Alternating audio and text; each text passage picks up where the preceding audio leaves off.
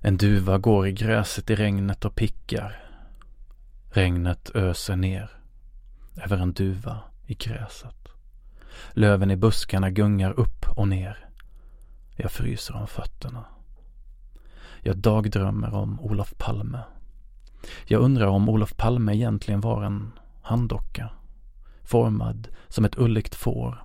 Som talade som ett får. Med en varg inuti. Jag undrar om Olof Palme verkligen trodde på vad han sa. Eller om han var en elak och cynisk man som försökte lura alla svenskarna att tro på sin egen förträfflighet.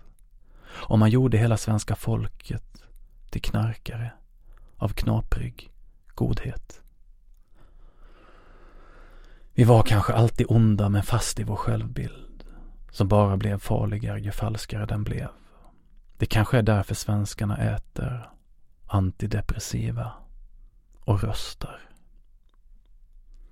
Och nu, när vi behöver framtidstron, är den splittrad i åtta eller åtta tusen olika skärvor.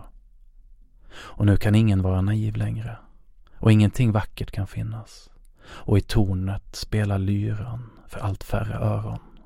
Och ännu är jag ung och slänger bort mina år.